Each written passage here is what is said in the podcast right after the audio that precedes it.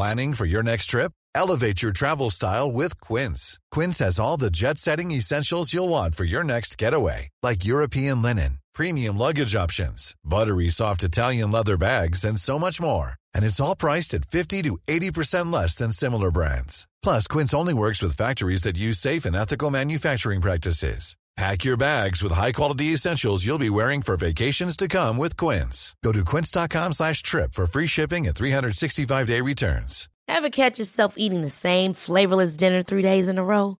Dreaming of something better? Well, HelloFresh is your guilt-free dream come true, baby. It's me, Kiki Palmer. Let's wake up those taste buds with hot, juicy pecan-crusted chicken or garlic butter shrimp scampi. Mm. Hello Fresh. Stop dreaming of all the delicious possibilities and dig in at HelloFresh.com. Let's get this dinner party started.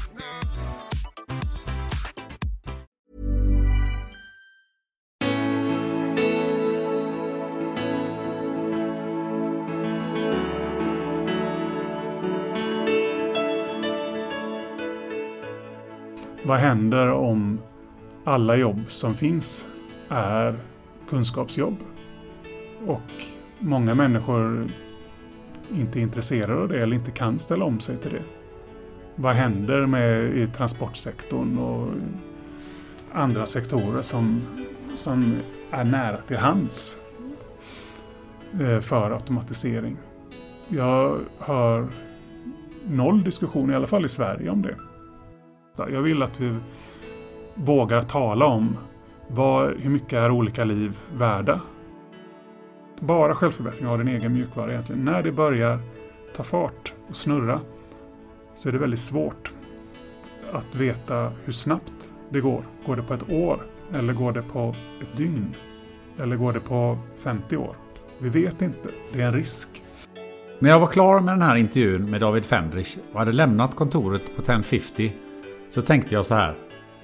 Jag är uppvuxen under kalla krigets dagar med det ständiga hotet om kärnvapenkrig. Det är jag personligen inte speciellt rädd för att det ska hända. Idag pratar vi dagligen om klimathotet. Jag är positiv och tror att vi löser det med hjälp av ny teknik. Ja, varför inte AI? Men tanken på vad ett okontrollerat AI kan innebära för hot för mänskligheten inom en så nära tid som 30 år det skrämmer mig betydligt mer. Särskilt allvarligt är det att vi inte diskuterar dessa faror, med undantag från Elon Musk och Bill Gates. Vad tror du? Lyssna noga och döm själv, för här kommer AI-experten David Fendrich. David Fendrich, välkommen till podden Spännande möten. Tack. Du, du är en eller möjligen två äh, gäster som, som är med i den här podden för de blivit önskade av tidigare gäster. Smickrande. Äh, ja, och du är önskad av Amr Mohammed som jag faktiskt satt med för äh, nästan exakt ett år sedan. Och han motiverar sin önskan så här. det är att om man vill veta mer om AI och vad det faktiskt är för något så finns det en kille som heter David Fendrich som jobbar på 1050. Han är skitskön för han är en extrem nörd men har lätt att förklara saker. Hur känns det? Ja, men det känns bra. Jag försöker profilera mig så tror jag. Ja, ja, ja men det är bra. Du känner igen dig? Ja. Ja, det är härligt. Um, vi sitter ju på uh, ditt kontor där på, på ett företag som heter 1050 och som du har varit med och grundat om jag har fått det rätt. Det är korrekt. Det är korrekt. Um, vad, vad, vad är det här för företag? Vad gör ni här? Um, vi grundade det här företaget för fem sex år sedan.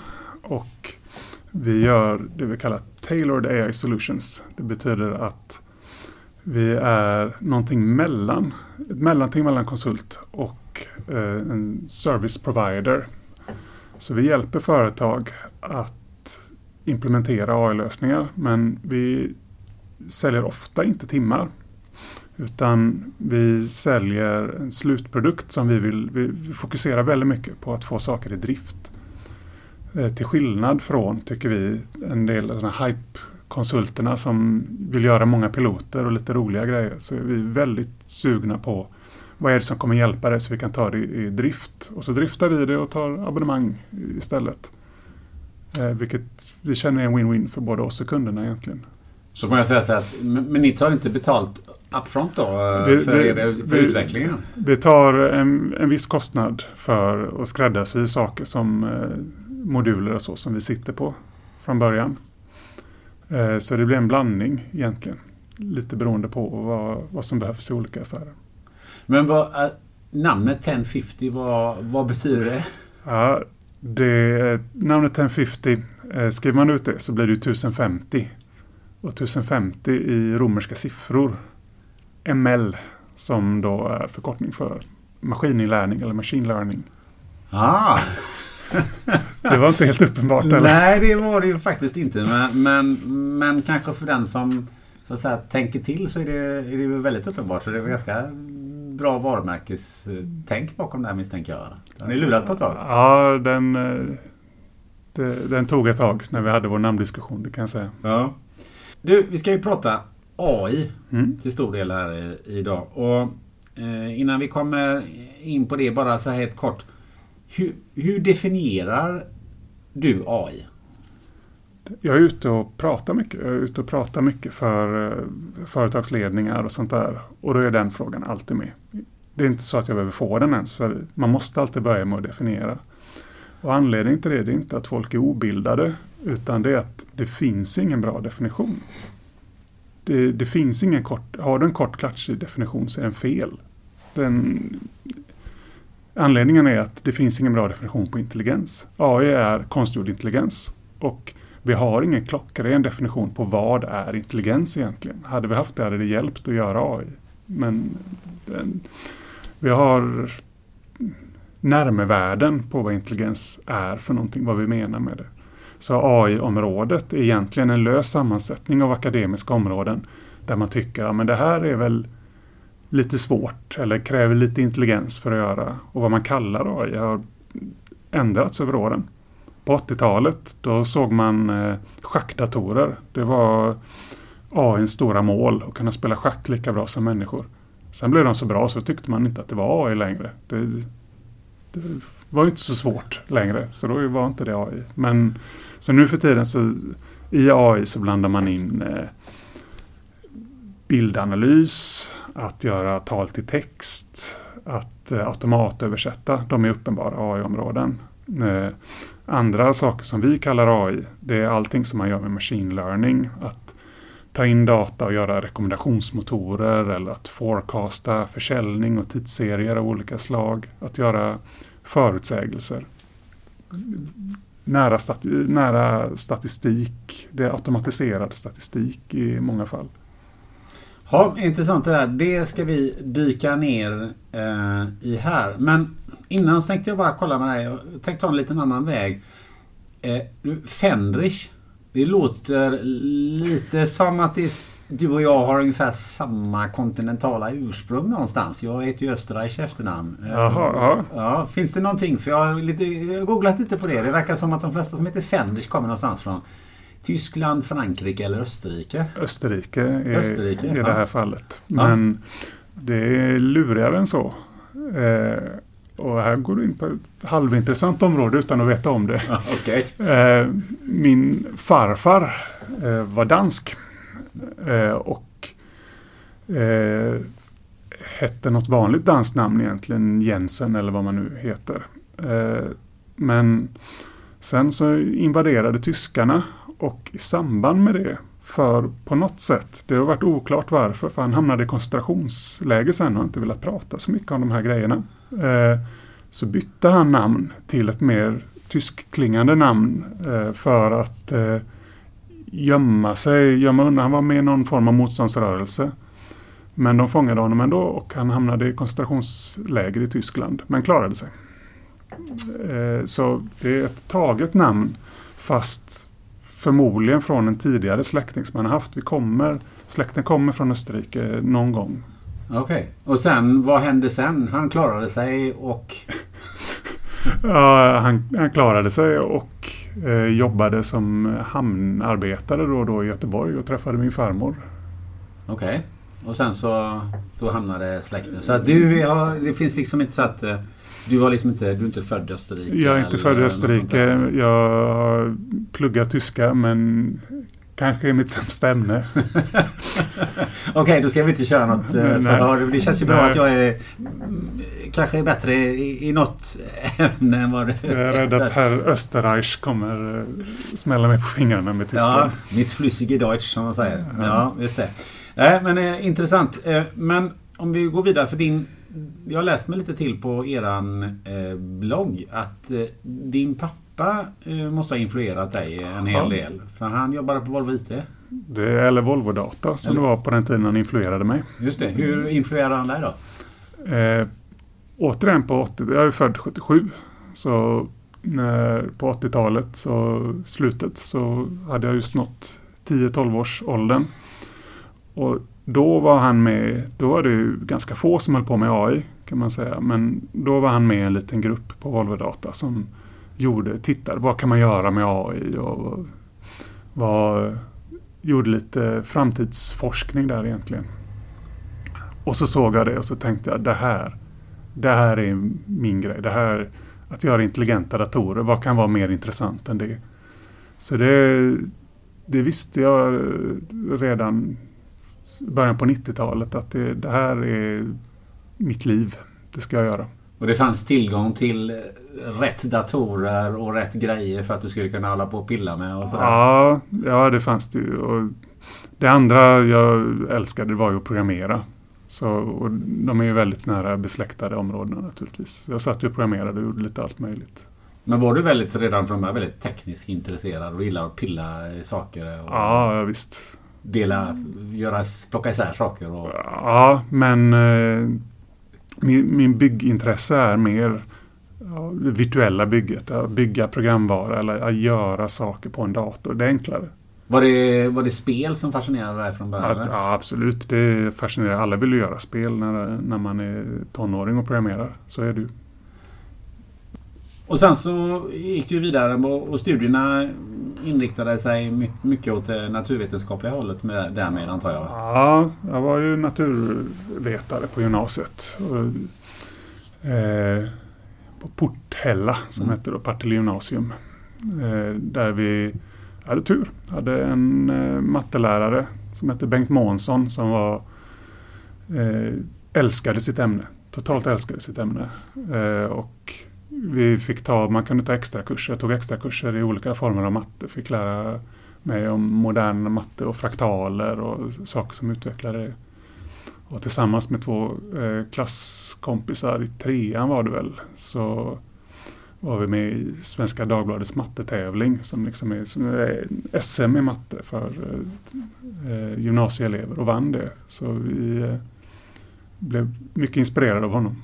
Ja, Häftigt! Mm. Hur, hur tävlar man i matte? Vad var Ja, det är inte så svårt. Du får en massa uppgifter och så ser du hur många du löser. Okej, okay. på viss tid då? Ja. ja.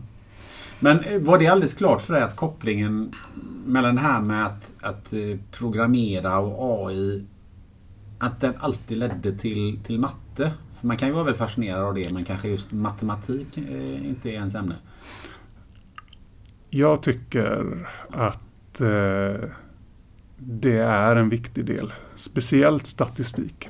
För AI och statistik eh, är hårt kopplade. Varför då? Statistik handlar om att förstå världen. Vad kan du, givet data, vad kan du säga om världen? Vad kan du inte säga om världen? Vad, vad får du lov att säga?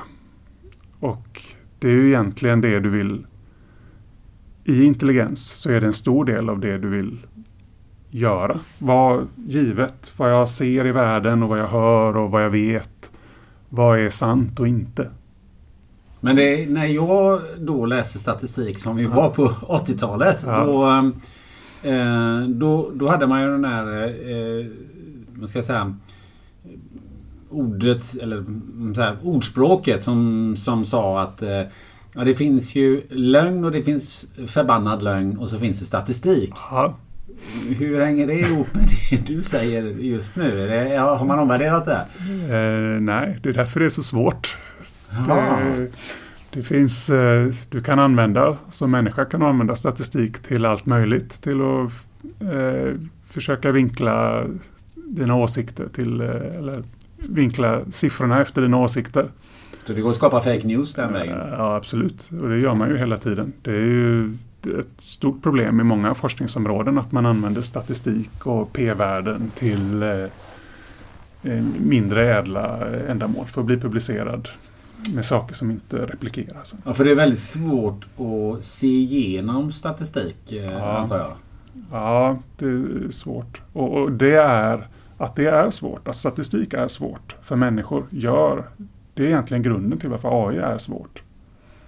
Jag hade ett sånt exempel. Jag intervjuade eh, Peter Martin som är läkare i funktionsmedicin. Mm. Träffat honom. Du har träffat honom? Ja. Han är en intressant person. Han, han hade ett exempel just som, som ju har koppling till statistik där han sa att man hade kommit fram till att, att risken att att dö i cancer ökade med 18% om man åt fyra skivor bacon om dagen i, eh, i 20 år. Ehm, grejen var ju bara det att, att risken att dö utav att äta eh, bacon den var 0,01% och den ökade då med 18% om man åt så här mycket skivor bacon vilket ju då kan Det är vanligt att det leder till att man säger att eh, en, en kvällstidningsartikel säger om du äter så här mycket bacon så ökar risken med 18% att dö. Mm. Och det är väl ett exempel på hur man använder statistik i... Ja, det, det där hade ju inte lurat en dator särskilt mycket. Den hade ju snabbt multiplicerat de två och bestämt sig för om det var viktigt eller inte. Men en människa är... En, en människa är, är mer lättlurad. Ja. Du, eh, men sen tog du det vidare. Chalmers var ja, givet. så teknisk fysik då. Det var jag funderade mellan det och data. I och med att programmering var det jag gillade egentligen, inte fysik. Men så tyckte jag att i och med att jag gillar programmering så mycket, det kommer jag lära mig ändå. Det är lika bra att jag pluggar någonting annat så att så kan jag båda grejerna. Men det som är lite intressant är att du, du tog en sväng in på filosofin. Eh, också korrekt. Ja. Det är väldigt vad du undersökt här. ja, men alltså det går ju att läsa till på din ja. hemsida, hemsida om inte annat. Men, men det tycker jag är lite intressant för, för om man är så väldigt eh, tekniskt fokuserad mm. och mattefokuserad som, som, du, som du är.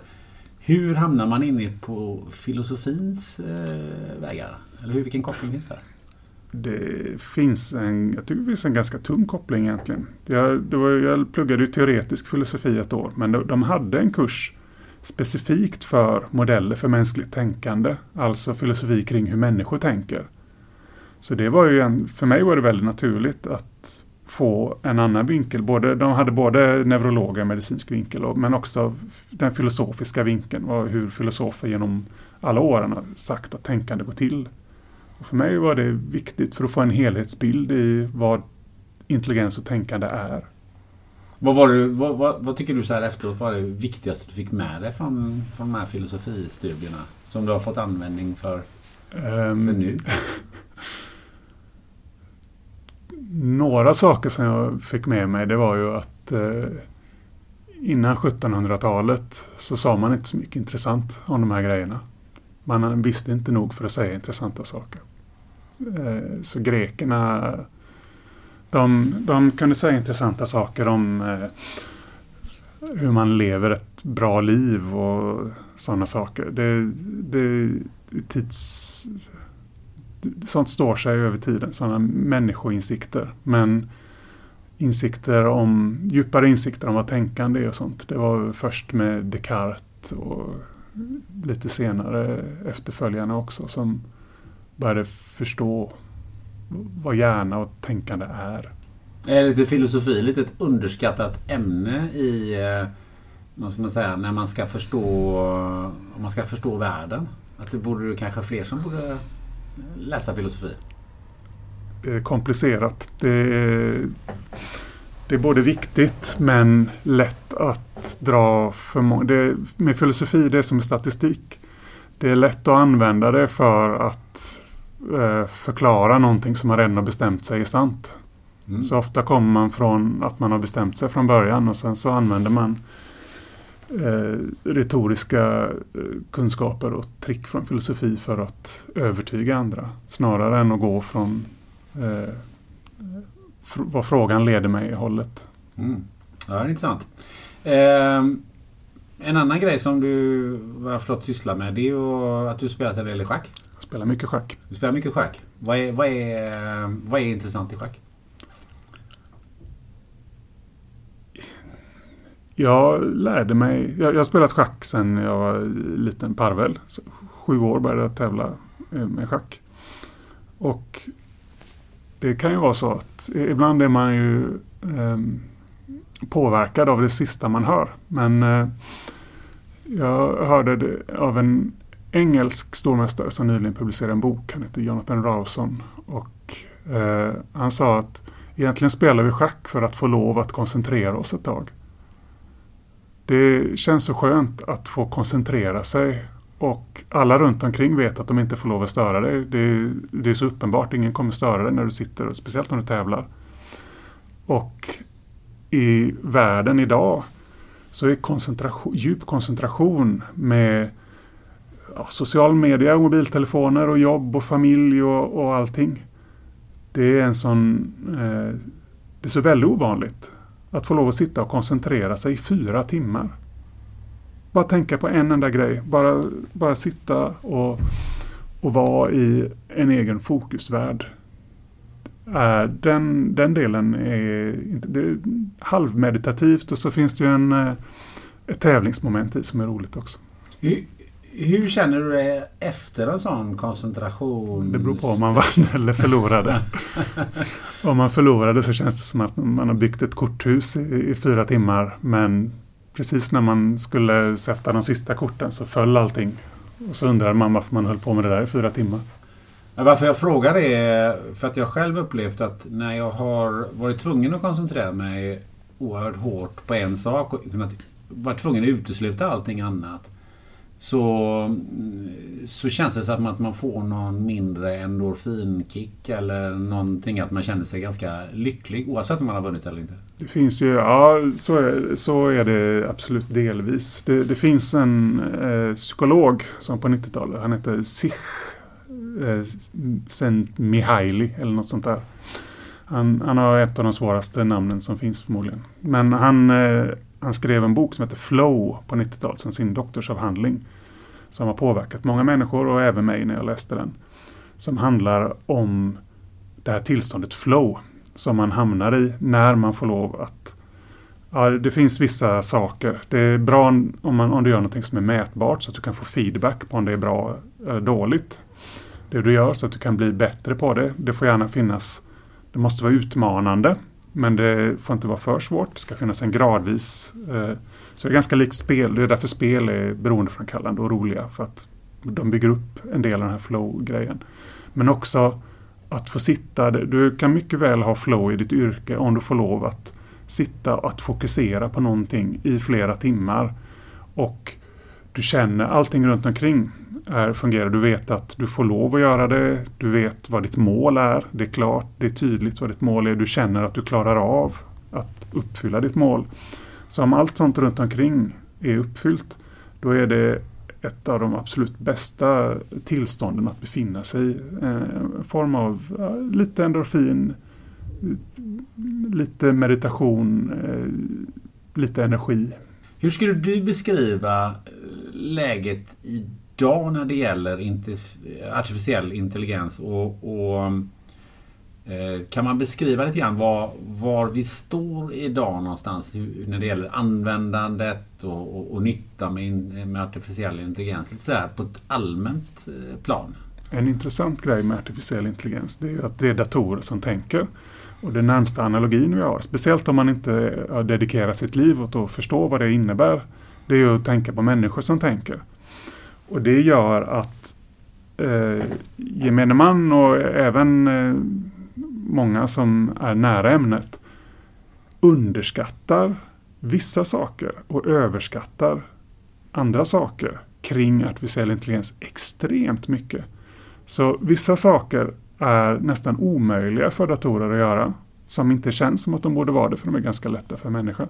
Och andra saker är omöjliga att slå en dator. En dator kommer alltid vara bättre än du inom andra saker. Eh, och då tenderar man istället att underskatta hur, hur bra de är. Och den, det problemet det gör att man kan inte göra, man kan inte bara säga ja, AI är överhypat nu, det kan mindre. Eller man kan inte säga ja, AI det går sådana fantastiska framsteg. Man kan göra mycket mer än vad du tror. För båda är totalt sanna. Eh. Då är det intressant att få reda på först. Eh, om vi börjar med det där man underskattar eh, AI. Mm. Kan du ge några exempel på det? Allting där du har, speciellt om man tänker i företagsvärlden, allting som du har en lång historik av data och inte så många Eh, påverkande faktorer. Inte så många, det vissa skulle kalla svarta svanar. Eh, också ett, ett uttryck från en eh, statistiker och ekonom som heter Nassim Taleb. Men eh, där han pratar om eh, hur, hur svårt det är att använda statistik för finans. För svarta svanar, det är sådana där saker som händer. Det kanske bara händer en gång på hundra år, men när det händer så är det väldigt, väldigt, väldigt viktigt. Och om du bara tittar på historisk data och bara ger en dator det och den bygger alla sina modeller och all sin kunskap kring tio års företagsdata. Då kommer det vara många saker den inte har sett. Och om några av dem är viktiga, då kommer den totalt missa alla de sakerna. Eh, så om du har ett område som inte är beroende på nyheter, om det plötsligt är krig eller strejk eller någonting ovanligt, utan där det är ganska lätt, ganska förutsägbart.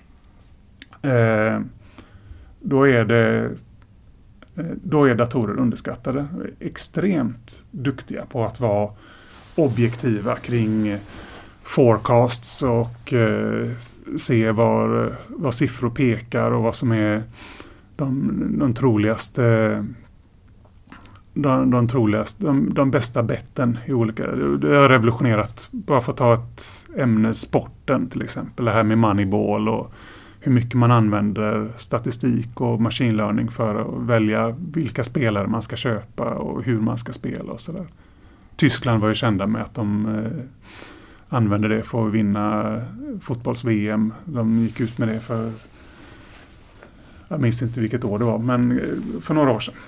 Det måste du berätta om. Vad, hur, hur jag, jag kan tyvärr inte gå in för djupt på det för fotboll är inte mitt specialområde. Men eh, det handlar ju om att eh, titta statistiskt. När man har gjort så här, vad händer då? För statistik och AI det är nära kopplat. AI är på vissa sätt automatisk statistik. Det är även att planera med utgång från statistik men på vissa sätt är det det. Och det handlar ju om vad kan jag, givet alla matcher som någonsin har spelats. Vad påverkar den här situationen och hur mycket påverkar det den här situationen? Hur mycket så att för vi människor vi är duktiga på att hitta mönster där det inte finns mönster och vi är duktiga på, som jag varit inne några gånger på, att övertyga oss själva om saker vi redan har bestämt oss för är sanna.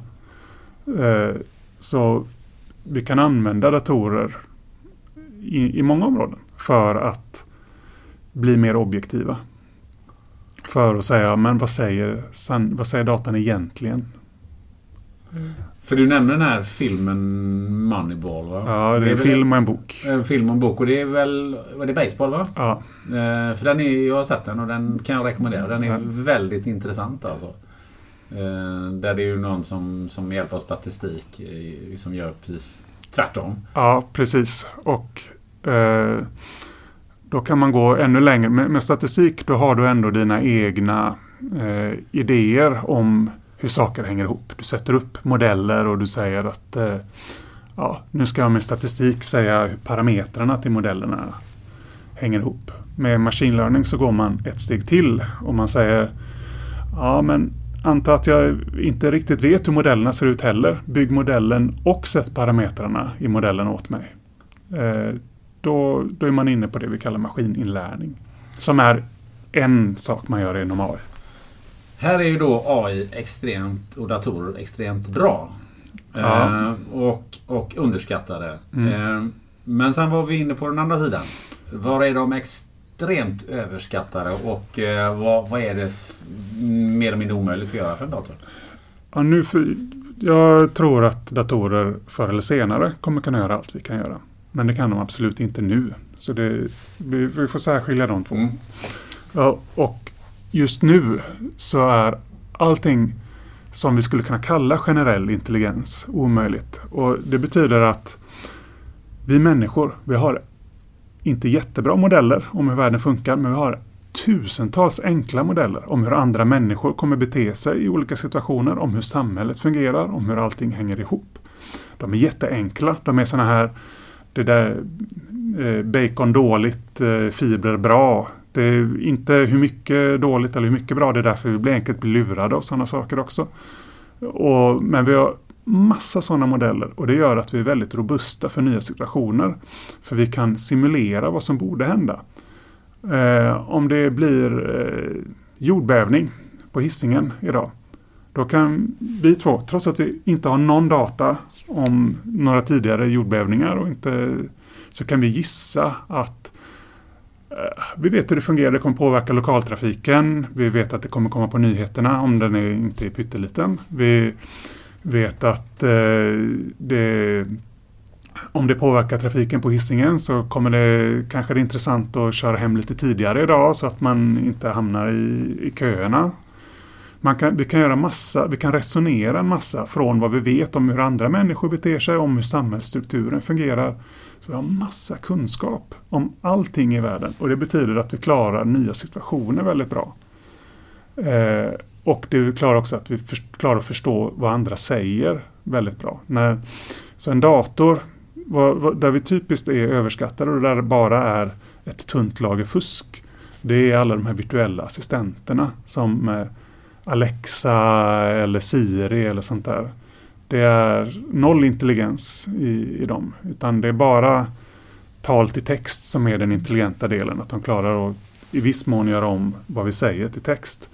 Men ovanpå det så är det bara några enkla det vi skulle kalla några enkla if-satser. Om någon säger det här, gör detta. Om någon säger det här, gör detta. De minns ingenting. Om du, om du har sagt någonting tidigare så finns det ingen modell över världen eller vem du är eller vad du tycker och vad du gillar. Men är inte det ganska enkelt att bygga på en sån sak? För att om, om den skulle eh, komma ihåg vad du har sagt och du har agerat på lite olika sätt. inte det som man bygger artificiell yes. intelligens på? Så att man liksom, den lär sig på hur du beter dig, vilka frågor du ställer. Och... Till, I viss mån. Men för att förstå vad jag egentligen säger då måste du förstå en massa saker om världen. Vi ger så väldigt lite information när vi pratar och skriver. Vi har extremt lite information. För vi har alla en väldigt delad modell om världen och om andra människor. Så vi klarar att kommunicera med alldeles för lite data egentligen. Så för att förstå vad jag egentligen vill så måste du veta en massa om hur människor fungerar, vad människor vill, vad, hur vi agerar och, och våra mål i, i livet. Och eh, det är mer komplicerat än det låter. Vi, vi, är väldigt duktiga på det, människor. Vi har spegelneuroner. Det var ju en sån eh, stor grej. Det tror jag till och med var ett Nobelpris i medicin för 20 år sedan eller någonting. Det här, du har en, en, en betydande del av hjärnan som bara är till för att simulera andra människor. Som speglar gör en liten intern modell i huvudet om hur den jag pratar med just nu, hur deras sinnestillstånd är och vad de vill. Och, eh, ja, att, att, ha små modeller om hur andra fungerar är en stor del av vad, som, vad det är att vara människa. Så Google förstår egentligen inte så mycket som man vill tro eller är rädd för? Eh, de har en extrem massa information som människor skulle kunna göra farliga grejer med.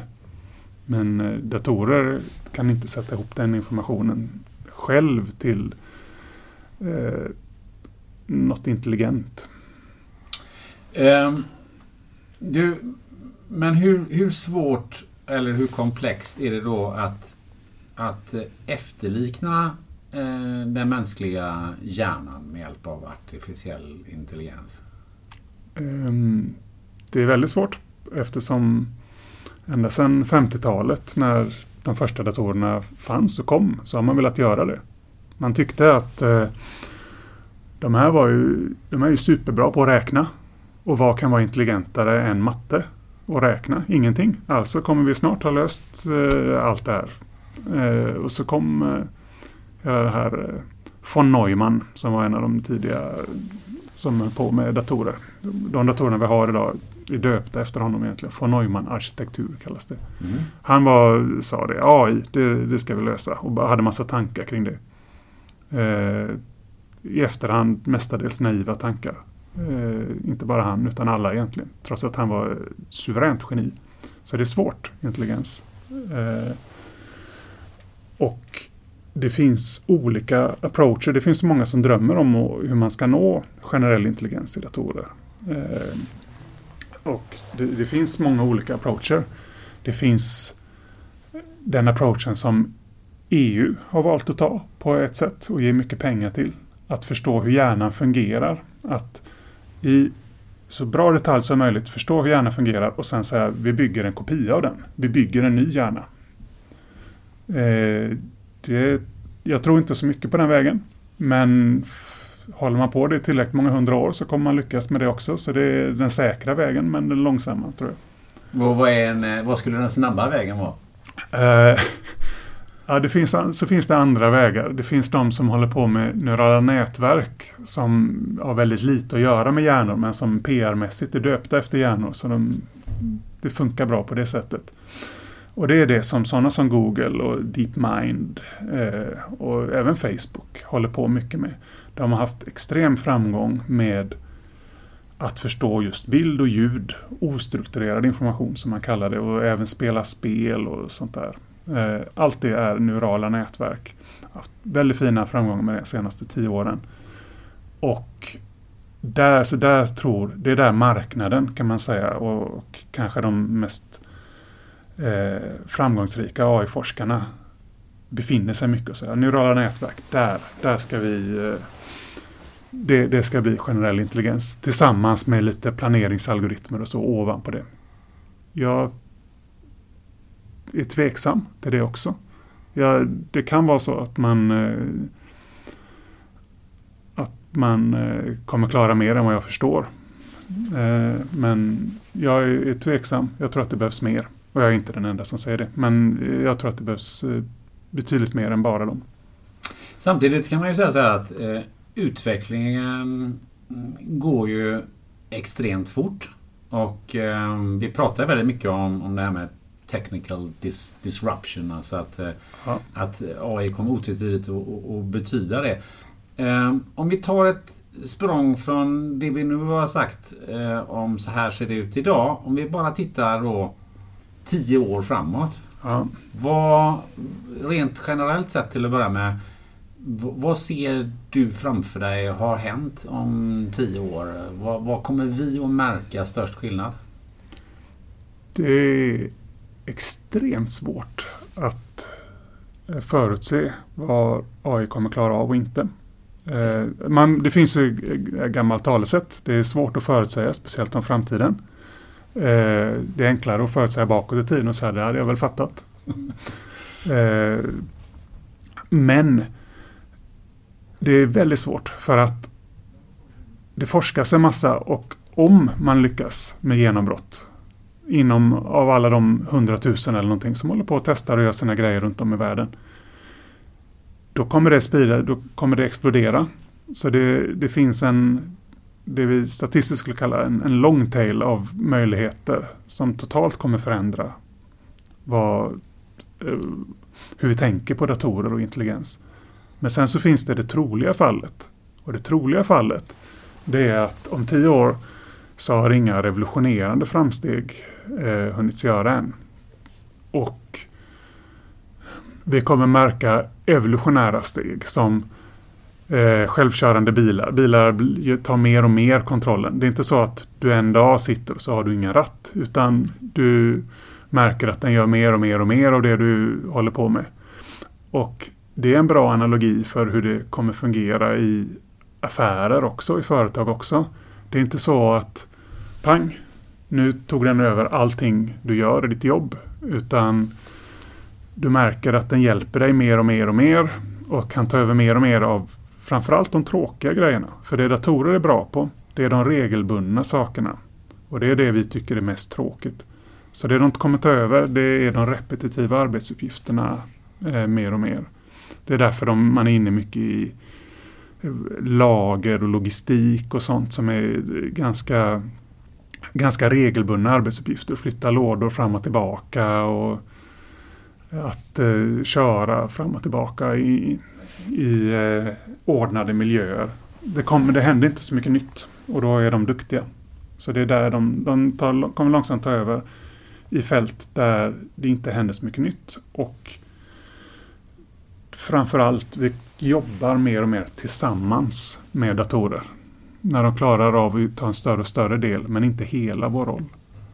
Men det kommer ju påverka, som många pratar om, jobben. Ja. Arbetsmarknaden. Ja. Hur, hur ser du på det? Vad, vad, vad står vi där om tio år? Tror du? Jag pendlar mellan två åsikter där. Det finns eh, en väldigt eh, intelligent ekonom, före detta programmerare som heter Robin Hanson, som jag tycker är väldigt intressant. Eh, vars åsikt är att än så länge så har automatisering inte tagit, eh, framförallt inte AI, har tagit noll jobb. Varför skulle det ta det i framtiden? Det, om man bara tittar på historisk data och data fram till nu så verkar det inte ta några jobb alls. Eh, förmodligen är det bara en hype. Från andra hållet så tycker jag att det finns stora risker att stora delar, känsliga delar av samhället kan stå utan jobb. Och måste lära sig något nytt snabbt. Och då finns det massa naiva grejer. Ja, men det kommer nya jobb hela tiden. Det kommer inte bli så att alla som kör taxi eller lastbil kommer köra podcasts eller bli YouTubers eller ta alla de här. Det är ju inte, det är inte realistiskt. Så det finns en massa eh, arbeten inom transport och lagerhållning eh, som känns, och säkert inom andra saker i fabrik som hela tiden automatiseras och har, har gjort det i hundra år. Som känns som att de ganska plötsligt skulle kunna försvinna. Och, och det, det kommer vara ett problem om det händer. Det här för mig in på det här med att vi eh, Många säger att vi människor måste förändras och det är klart att det, alla kan inte bli Youtubers eller podcasters eller vad det nu är för någonting.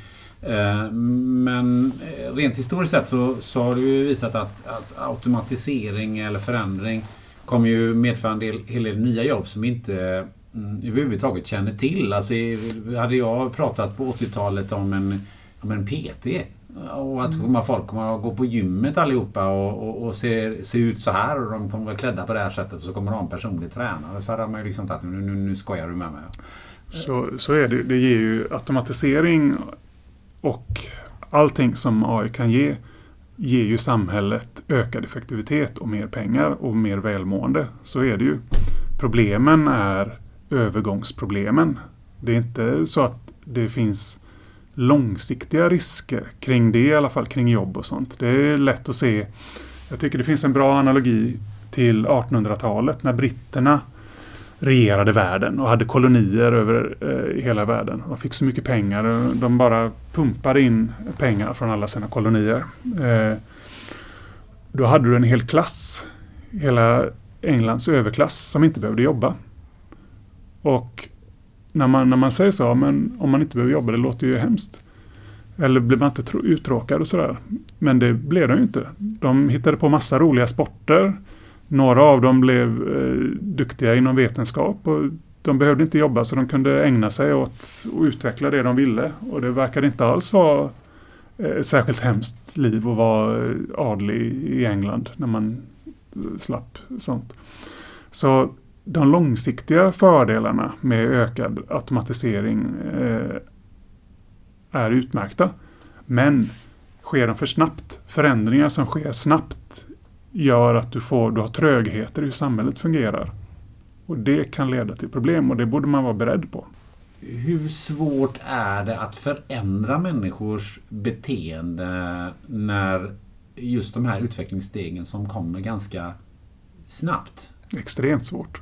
Det är jättesvårt att ändra hur någon beter sig. Det när vi när 1050 går in och ska hjälpa företag så det första vi gör är alltid att titta på Finns det saker vi kan göra där inga människor behöver förändra någonting om hur de jobbar eh, eller hur de är organiserade? För att förändra hur ett företag är organiserat och det här med change management och sånt där är, ja, det är nästan omöjligt. För, eh, en annan vinkel man kan ta på det här det är ju att eh, Eh, om man lyssnar på eh, den här israeliska historieprofessorn Yuval Harari som eh, jag har skrivit en hel del böcker och framförallt senast då 21 Lessons for the 21st Century. Ehm, så säger han ju precis som du säger att, att vi vet inte hur världen kommer se ut men en sak säger han att vi, man kan vara säker på att man är tvungen att återuppfinna sig själv flera gånger under sitt liv. Och då för det honom till att säga så att den största utmaningen är inte att vi ska göra andra saker utan det är en, han ser det som en psykisk utmaning i första hand. Um, hur Låter skulle, rimligt. Hur skulle du se på, på det och hur skulle man kunna vad ska man säga, hur, hur förbereder man människor till att faktiskt um, agera annorlunda eller att, att, att kunna anpassa sig till den här eh, disrupta världen som vi är nu på väg in i? Det, att förändra sig är skrämmande och svårt. Så är det. Eh, och den där, uppenbarligen lyckas ju många med det och uppenbarligen lyckas man även ibland förändra hela organisationer. Eh, men man måste ha en extrem respekt för att eh, förändring är skrämmande och inget som folk håller på med hur som helst om man inte tvingar dem. Men då kan man titta och fundera lite grann på om då den här tekniken springer iväg åt ett håll och som gör att du faktiskt skapar att du måste förändra det och sen har du en, en, en väldig massa människor som inte vill förändra sig. Ja. Vad, vad, vad händer i den diskrepansen? Um, människor som inte vill förändra sig kommer hamna i ett underläge. De kommer ha mindre att säga till om. De kommer synas mindre. Eh, de eh, kommer ha svårare kring jobb och vad det innebär att, att ha ett jobb. Eh, så blir det ju. Det, det, står, det är upp till var och en om man vill förändra sig. Efter vad, hur samhället förändrar sig. Men gör man inte det så då står man vid sidan om och så får man acceptera det istället. Och då kan man ju fundera på vad det leder till. Ja, samhällsslitningar naturligtvis. För men det kommer inte gå, det kanske är uppenbart, men i och med att eh, till exempel AI och automatisering, digitalisering, allt det eh, leder till ökad effektivitet. Och det gör att företagen som håller på med det vinner mot företagen som inte håller på med det på sikt.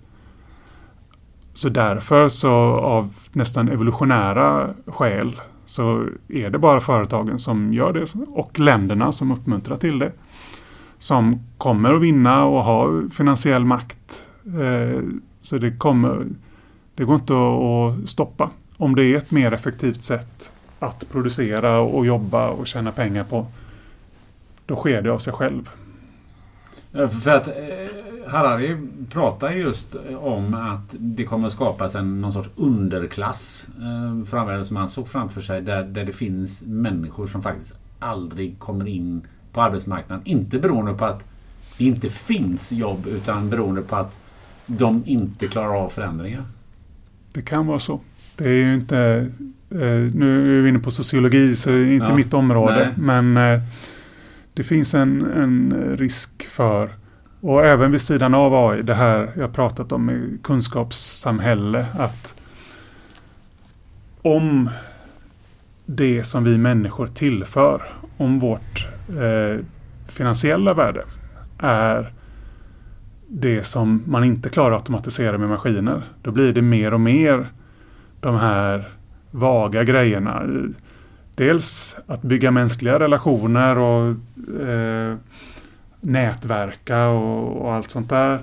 Men att eh, kommunicera, att, eh, att göra saker som kräver eh, fokus, att man lär sig mycket och kan, ska man förändras måste man också lära sig mycket.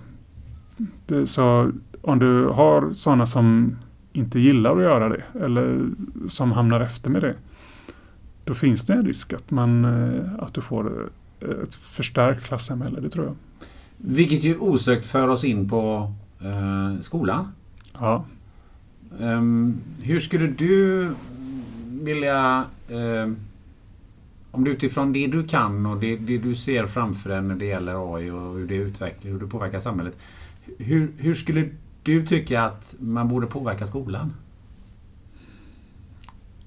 Så vitt jag kan förstå så eh, handlar skola ganska lite om eh, Egentligen så handlar det ganska mycket om, om, politik och ganska lite om utbildning. Och det handlar mycket om att eh, massa andra saker som vi inte talar högt om som är produkten av att, av att ha barn i, i skola med att följa auktoritet i, i 10 till 15 år. Och det, det finns en massa saker kring utbildning som inte handlar om att lära folk eh, eller barn saker. Kan du utveckla det lite? Vad menar du då? Ja, när man tittar på vad som faktiskt, och jag har inte grävt djupare i det, detta naturligtvis, men eh, återigen så är jag influerad av Robin Hanson i detta. Jag läste en jättebra bok, Elephant, Elephant in the Brain. Eh, men väldigt lite av det man gör i skola verkar vara verkar vara vetenskapligt underbyggt. Det verkar inte vara så att det egentligen är till för att öka våra, vår kunskapsnivå förutom inom vissa områden, vissa smala områden. Det, lära sig läsa, det är man halvbra på i alla fall hur man ska bygga upp. Men eh, allt annat som, som man gör inom skolan ehm, är vi, det känns som att vi själva är osäkra på varför vi gör det. Vi, vi, gör det men vi gör det för att vi vet att skola är bra. Det vill säga om skola är bra, utbildning är bra. Och, och, vilket då le, i sin tur leder till att jag tror att det är jättesvårt att säga ja, så här ska utbildning se ut. Så här, så här, om, om vi utbildar så här så kommer barnen bättre klara framtiden eller arbetslivet. Vi behöver ha, de behöver jobba med, lära sig att jobba mer tillsammans och sådana där floskler. Det, Jag tror, jag har inte sett data. Återigen, jag tror att man väljer, för har man skolåsikter, bland annat, mång, i princip 99 procent av alla politiska åsikter, kommer av att man först har åsikten och sen använder filosofin eller statistik till att eh, bekräfta den åsikten. Och jag tror att det är samma i skola. Vi har väldigt lite data på vad, och anledning, inte bara data men också anledning att tro vad olika olika insatser ger. Så jag skulle gärna vilja säga ja, det är klart att man behöver lära sig lite grann om AI i skolan eller som många pratar om att lära sig programmera. Men dels för att samhället ändrar sig så mycket så är det inte säkert att det, programmering ser ut alls som det gör om, idag, om 15-20 år. Och dels så är det svårt att veta hur mycket egentligen utbildning ändrar människor. Jag tror att eh, det påverkar lite mindre än vad vi Gener och annat påverkar oss väldigt mycket. Men med bakgrund av det vi sa om arbetsmarknaden och skulle vi inom skola kunna förbereda den nästa generationen att klara av alla de här att återuppfinna sig själv och, och de här sakerna. Skulle vi, skulle vi kunna hjälpa den generationen? För vi, den generationen som jag tillhör, de är ju redan förtappade för länge sedan. Och, och, och, och, kanske din också. Men, men de som på något sätt går i skolan idag eller kommer att gå i skolan imorgon. Kan vi förbereda dem på det samhället som kommer? Nej, jag tror inte. Det, jag vet att det, det, är klart att det snygga sättet att svara är ja, naturligtvis. Och Det, det, är klart att eh, vi kan jobba med allt det här med livslångt lärande och sånt där. Men så vitt jag förstår så blir vi väldigt lite påverkade av vad som händer i skola och utbildning. Vi, det, så fort eh, så fort vi kopplas loss från det sen så blir vi väldigt lika. Det finns sådana här tvillingstudier där tvillingar som har separerats tidigt och haft helt olika uppväxt och helt eh, olika utbildning och socialiseras på helt olika sätt. Ju längre det går i livet sen, ju mer lika blir man i, i alla fall till sin personlighet och till, eh, till hur man är som människa. Så vi är absolut inte bara genstyrda, men väldigt genstyrda. Eh, och det, måste, och det är inte så roligt. Och speciellt inte om man är lärare kan jag tänka. Och, och se det. Men eftersom det är en sanning så måste vi acceptera det. Så att kontentan av det innan vi går vidare är ju liksom sådär att ja men utifrån det här perspektivet så kan vi inte göra så himla mycket för att eh, hjälpa människor eh, eller förbereda människor på vad som kommer inom en 10, 20, 30 år. Inte vad jag vet. Nej. Vi kan politiskt göra det. Om vi politiskt är beredda på att det händer, då kan man föra dialogen. Och åtminstone om, om dialogen och diskussionen börjar föras på politisk nivå och i media och så. Då, blir folk, då är folk i alla fall förberedda. Så de som kan förändra sig, de som kan förbereda sig på det, de har i alla fall en chans. Så jag skulle gärna vilja att, det, att diskussionen fördes i mycket högre grad än vad den gör idag. Kring vad vi ska göra och var vi är på väg. Det, det tror jag på. Men det är ju bara ett första steg. Sen att agera på det, det är vi inte mogna för än. Det där låter ju väldigt intressant. Vi tar en, en, en kort sväng bara där när det gäller eh, politiken. För, för det är ju ändå politiker och riksdag och så vidare som, som stiftar lagar eller reagerar på något sätt eller försöker forma samhället på något sätt utefter ja. det som, som kommer. Vad skulle bara kort sådär, vad, vad, skulle du vilja se då hos, hos politikerna idag som, som du inte ser? Jag ser inte en öppen diskussion kring vad händer med den här som du pratar. Vad händer om den här underklassen eh, eh, materialiserar sig? Vad händer om alla jobb som finns är kunskapsjobb? Och många människor inte är intresserade av det eller inte kan ställa om sig till det. Vad händer med i transportsektorn och andra sektorer som, som är nära till hands eh, för automatisering. Jag hör noll diskussion, i alla fall i Sverige, om det. det de enda vettiga förslagen jag hör, det är det här, kommer ju mer internationellt, frågan om medborgarlön, om hur man i alla fall kan uppehålla ett ett minimum på ett, eh, med inte så mycket overhead genom att ha en, en medborgarlön i samhället. Eh, så att den ökade effektiviteten inte skapar en arg underklass på samma sätt. Det där är ju väldigt intressant. Det där, det där eh, kan vi fortsätta diskutera kring. Men, men det, det finns ju oerhört många öppna frågor där. Men om vi, om vi Gå tillbaka till och titta lite om vi har varit inne på det här med arbete. Företagen påverkas ju utav det här som organisation eller som, som den, den så kallade marknaden så att säga. Um, hur, um, hur skulle du se mm, på det här? Vilka, vilka branscher tror du, om vi nu pratar, går tillbaka till det här tioårsperspektivet. Vilka, vilka branscher ser du dem, tror du dig med se de, de största förändringarna i? Branscherna som förändras tidigt, men de kanske redan har förändrats ganska mycket. Det är alltid branscher nära pengar. Så de första att använda machine learning på 80-talet, det var eh, viss trading. Man började använda de första automatiserade tradingbottarna kom då. Eh, man använde det inom fraud detection för kreditkort.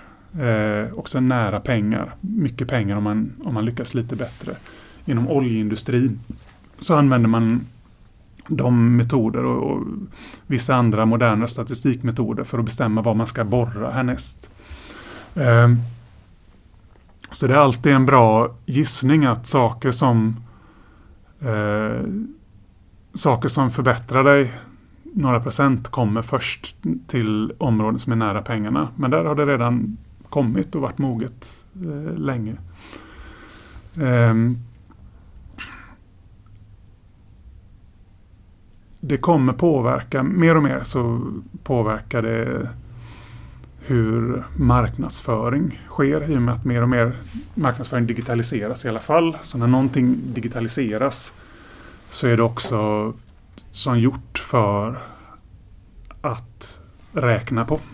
Vad, vad ger bäst effekt och var mina Google Ads, vad ska jag vara och vad ska jag synas och hur mycket på min sociala media, vad får jag för olika typer av content, vad ger de för eh, feedback och även att automatiskt börja producera content. Eh, vi klarar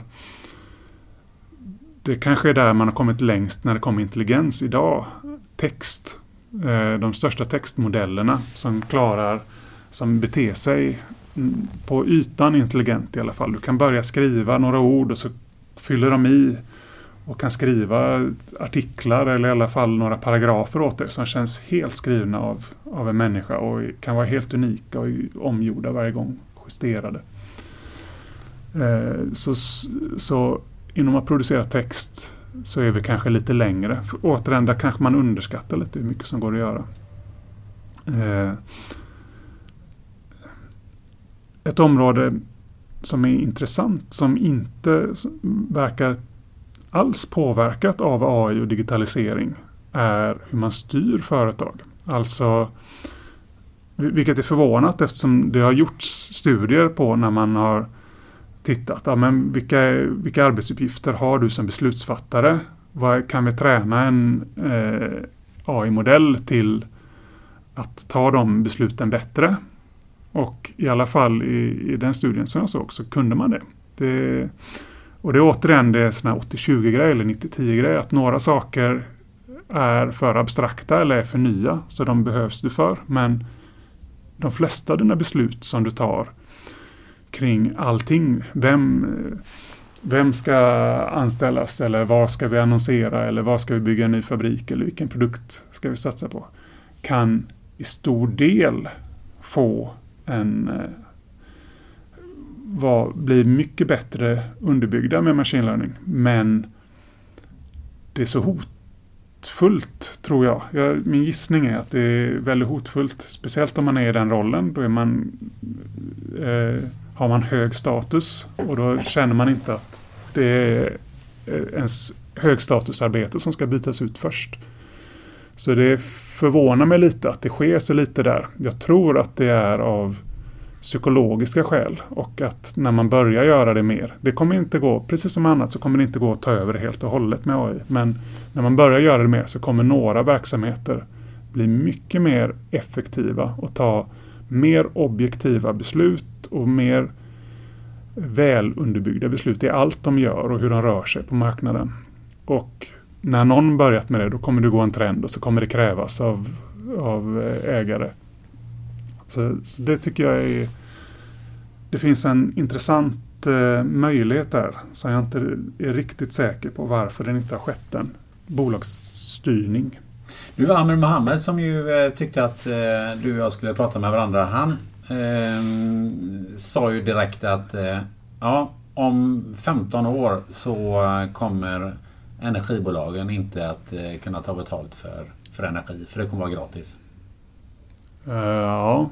Det... Vad tror du? Nej, det kommer det inte vara. Varför inte? Det är ju el. Om, om det är el vi pratar. Ja, han pratar om att eh, han menar att eh, vi redan idag har solenergi som är den absolut billigaste energin. Vi kan dock inte tillverka den i tillräckligt stor omfattning. Menar liksom att du kan måla husen med, eh, med färg som, kan, som du kan... Inte, eh, inte i Sverige har du sett ut. det är Sverige... Eh, kommer ju inte bli det första landet där solenergi tar över helt i alla fall. Vi har ju mycket mindre sol än när man har närmare ekvatorn. Både soltimmar och effektivitet i sol. Men vad jag har förstått så kan man ju om man bara en, en liten liten del av Sahara skulle täckas med solceller så skulle man ju i princip ja. Eh, inte behöva använda någon fossilt bränsle överhuvudtaget. Ja, om du kunde skicka den energin och sådär också. Det, det stämmer. Men det är dyrt att tillverka. Det krävs energi för att tillverka de här solcellerna. Jag tror att det kommer hända jättefina grejer med solceller eh, framöver. Men Eh, exakt när vi i Sverige kan ta del av det, det och våga säga 15 år på det, tveksamt. Det var vågat av honom. Ja. Eh, en annan eh, sektor som man pratar väldigt mycket om som, som ju kommer förändra hela vårt, vårt liv när det gäller att man använder AI. Det är ju hela sjukvårdssektorn. Ja. Vad ser du där? Där kan man... Det, det är lite ledsamt att... Eh, det, det kanske måste vara så. För att det behöver vara konservativt för att vi vill inte ha ihjäl folk. Men det är lite ledsamt att där ser man där mycket outnyttjad potential. Massa saker kunde varit mer effektiva och bättre genom hela sjukvården. Och AI känns nästan som gjort för det. Eh, och det, det, finns, jag, jag har svårt att veta var jag ska börja. För jag ser följdfrågan var. Ja, ja just det. För den, ja. den kommer. Men, ja. men ta några exempel. Ja, eh, tror. Till exempel om man börjar på bara läkemedelsdelen. Där använder man ju redan, eh, det används ju redan i, alldeles i början av kedjan att hitta molekyler som, eh, det gör ju Astra här till exempel. Vi, och vi har en, en anställd här på 1050 som var med och han heter Marcus. Eh, eh, Olivenkrona. Eh, var med och tog fram det för dem innan han började här. Eh, om hur man använder eh, AI för att säga att de här molekylerna är troliga för att kunna ge det här svaret hos en människa innan man börjar alla de här testerna som man sen gör. Så det bör, i den ändan så har man börjat och man går längre och längre i att använda det för att hitta skräddarsy mediciner bättre och bli bättre på att ta fram mediciner. Men eh, om du får in allting, all information som vi har i journaler till exempel. Extrem eh, guldgruva av information i journaler som man med textmodeller skulle kunna analysera för att ta fram, för att hitta biverkningar som man inte känner till genom att jämföra grupper som tar eh, två olika förmodat eh, utbytbara mediciner för samma sak och märka att inom vissa gruppen så skriver vi vissa saker eller vi ser att det händer vissa saker här. Eh, som man på en sån stor skala behöver automatisering och AI för att se. Så du hade kunnat se eh, mm, många intressanta saker i journaler. Sen så är det ju känsligt. Det är ju känsligt att släppa lös hela världens eller hela Sveriges journaler till någon AI-forskare eller någon industri. Det, det, går inte. Så det finns en anledning till att vi inte gör det. Men så man kunde gjort mycket mer där. Man kunde planering i alla verksamheter inom vården men inom alla andra är ett underutnyttjat område inom AI. Alltså att använda sina modeller för att simulera framtiden och säga givet nuläget och givet mina modeller om hur världen funkar och om hur, hur, hur eh, människor och min, min bransch funkar så borde jag ta det här beslutet för statistiskt sett när jag räknar framåt i tiden tillräckligt många gånger så ser jag att utfallen blir bäst om jag gör på det här sättet. Eh, och det, det, kan användas inom alla möjliga sorters planering. Hur många fastanställda behöver jag? Hur, hur många måste jag vara beredd att ha kring när första halkan kommer? Hur mycket extra vård? Vad, hur många sjukhussängar behöver jag? Hur ska jag prioritera?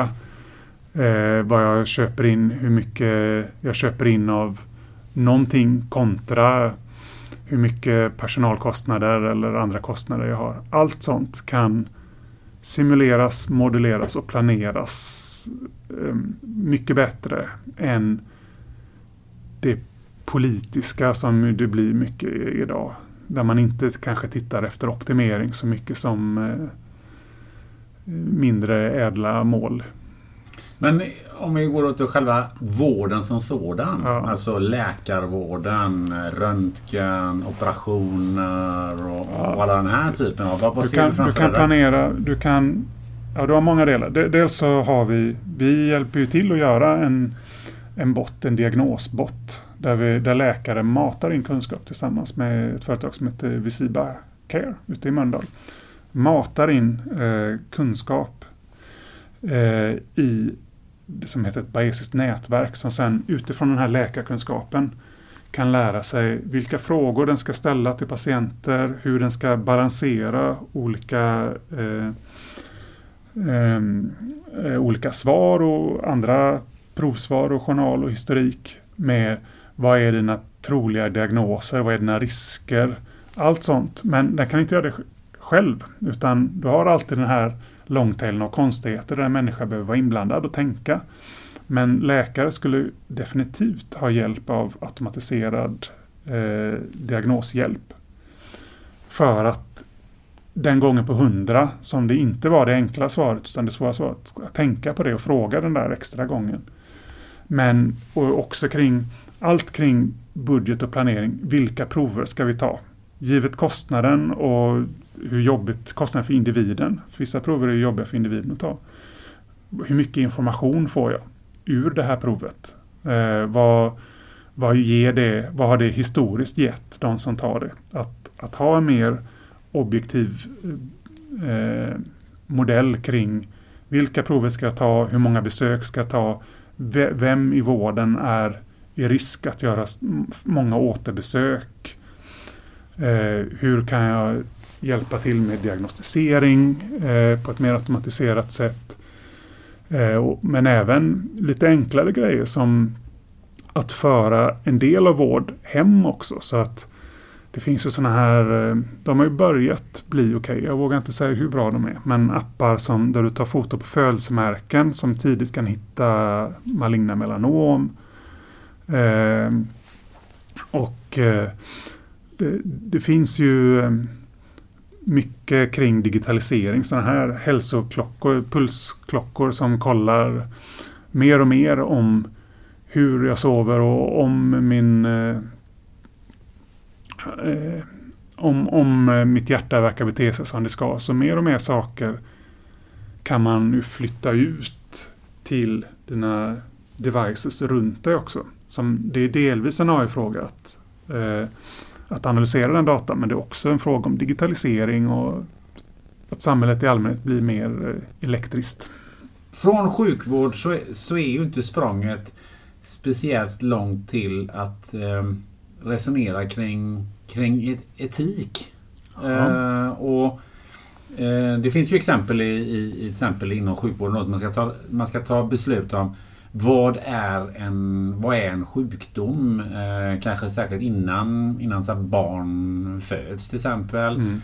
Ehm, eh, det kan ju vara, jag pratade med, med, med en kille som heter Johan Österling som jobbar med ett bolag som heter, eller har ett bolag som heter Biohacks där man, eh, där man som jobbar med implantat utav ehm, eh, utav eh, elektronisk utrustning i, i människor. Och att man då eh, med chip då, man skulle kunna snabbt kunna avgöra till exempel om en ambulanspersonal kommer fram till en olycksplats kan snabbt avgöra hur gammal den här personen, vem, vem ska hjälpa först beroende på vem som har puls inte puls men vem som har störst överlevnadschans enligt någon sorts eh, algoritm och så vidare. Så man, man kan ju komma dit hän. Mm. Ehm, vi, om vi tar det liksom, vilka, vilka typer av etiska dilemman ser du man kan komma i just när det gäller AI? Inte bara sjukvård utan även, även inom andra områden. Vad, vad, är, vad ser du tydligast Det där? mest klassiska etiska dilemmat inom AI som är applicerbart på, på många områden det är det man kallar the trolley problem.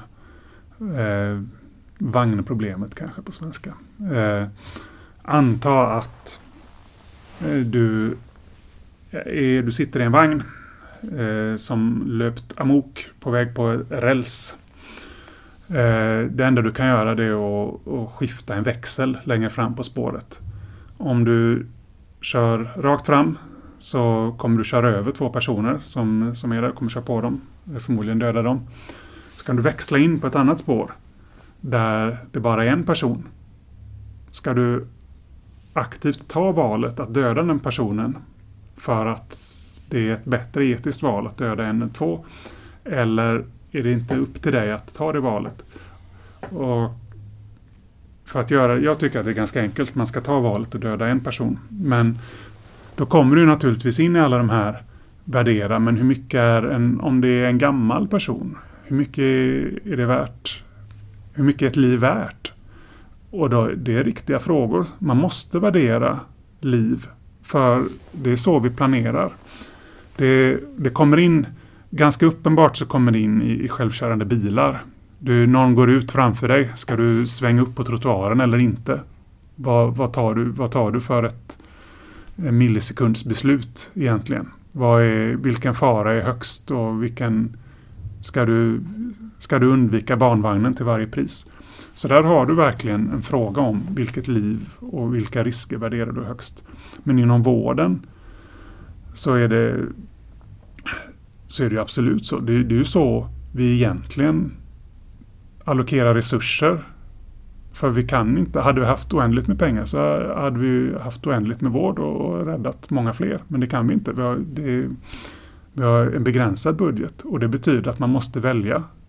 Du måste välja egentligen i slutändan på liv och död. Och det är ju i, grunden ett etiskt problem. Hur många 70-åringar kan jag ha ihjäl för att rädda en femåring för livet? It's that time of the year. Your vacation is coming up. You can already hear the beach waves, feel the warm breeze, relax, and think about work. You really, really want it all to work out while you're away. Monday.com gives you and the team that peace of mind. When all work is on one platform and everyone's in sync, things just flow wherever you are. Tap the banner to go to Monday.com. Ever catch yourself eating the same flavorless dinner three days in a row? Dreaming of something better? Well, HelloFresh is your guilt free dream come true, baby. It's me, Gigi Palmer. Let's wake up those taste buds with hot, juicy pecan crusted chicken or garlic butter shrimp scampi. Mm. Hello Fresh. Stop dreaming of all the delicious possibilities and dig in at HelloFresh.com. Let's get this dinner party started. A lot can happen in three years, like a chatbot may be your new best friend. But what won't change? Needing health insurance. United Healthcare Tri Term Medical Plans, underwritten by Golden Rule Insurance Company, offer flexible, budget friendly coverage that lasts nearly three years in some states. Learn more at uh1.com. Jag vet inte, men vi, det är en diskussion vi måste våga ha. Ja, för att just det här med självkörande bilar, eftersom vi enligt många då så snart kommer att ha självkörande bilar. Vi har ju redan självkörande bilar man experimenterar med på ett, ja. Ja, på ett eller annat sätt. Go Googles bilar, de, det var ju för bara en vecka sedan eller så. Så sa de ju att nu i våra självkörande bilar så slutar vi ha eh, förare. De har haft en stödförare som kan rycka in eller göra saker men nu har de slutat med det. Så nu kan man, jag minns inte vilken amerikansk stad det var, ta eh, deras Googles taxi helt, man bara sätter sig och så sätter man i appen var man ska ta vägen. Så det finns ju kommersiellt helt självkörande bilar inom städer. Och då måste de ju till exempel ha, ha byggt in det för att du, du var redan inne på det här. Eh, jag menar, säg att den här självkörande bilen kommer, kommer köra på en bergsväg. Aha. Och så finns det ett stup på ena sidan. Och så hoppar plötsligt två barn ut framför vägen för att rulla ut en boll från, någon, från något hus. Ja. Och så har då den här algoritmen, du kan välja på att antingen köra över de här två barnen och, och, och rädda han sitter i baksätet och läser tidningen. Mm. Eller så kör du ner till höger för där, och då hamnar du i stupet och så, slår, och så kör du ihjäl den här personen. Vad, där är vi ju mer eller mindre redan. Hur, hur dealar man med det här på riktigt? Det kan vara så. Det, självkörande bilbranschen det är en helt egen det är en helt egen värld. Det kanske finns en gemensam eh, etisk, eh, etiska guidelines där branschen pratar med varandra. Men någonting man måste tänka på det är ju att det är eh, marknadsekonomiskt driven bransch. Om du vet att ett bilmärke kommer prioritera fotgängaren och, men, och köra iväg dig in i väggen och ett annat bilmärke kommer prioritera dig. Vilket kommer du som konsument att köpa? Så de, du måste ha, det är inte bara en etisk fråga utan det är också en fråga hur mycket kommer jag som har köpt den här bilen bli skyddad i min bil? Eh, som folk kommer basera sina beslut på förmodligen. Har du själv eh, i ditt dagliga arbete suttit och, och haft liksom uh, och kanske inte tagit så här drastiska beslut men, men, men ändå på något sätt ställts inför frågor av den här typen? Det närmsta det är ju de här eh, läkarfrågorna som vi jobbar med. Men där, och där, eh, där kommer in många sådana här småfrågor hela tiden egentligen. Eh, som eh, vi slipper ta, för vi behöver bara göra eh, vi, vi behöver bara göra intelligensen i det egentligen. Egentligen så lämnar vi över det med varm hand till läkare och jurister som får säga, säga sitt om vad som är etiskt och inte. Men det är ju ett, ett problem att jobba med det här diagnosstöd och sånt. Det är hur fel får jag lov att ha? Jag får inte lov att ha särskilt fel. Men säg att jag ger, att jag plötsligt eh, kan styra vem som får vård och inte triagering på ett mycket bättre sätt. Så att jag räddar liv. Men någon gång kommer jag göra fel och säga till någon som, eh, som borde sökt vård att hålla sig hemma. Det måste man göra. På något sätt så alla kan inte söka vård hela tiden. På något sätt så måste du triagera, välja vem ska få en ambulans, vem ska få ett vårdmöte om eh, några dagar och vem ska hålla sig hemma och ta en Alvedon? Och någon gång kommer du göra fel. Eh, och frågan då, och det gör ju människor också, sådana som jobbar på 1177. Och då är frågan, är det okej okay att du vet att du har räddat, du har, och du kanske har räddat abstrakt, du har räddat eh, 100 miljoner till vården, så du vet att det här kommer de kunna använda till att rädda liv.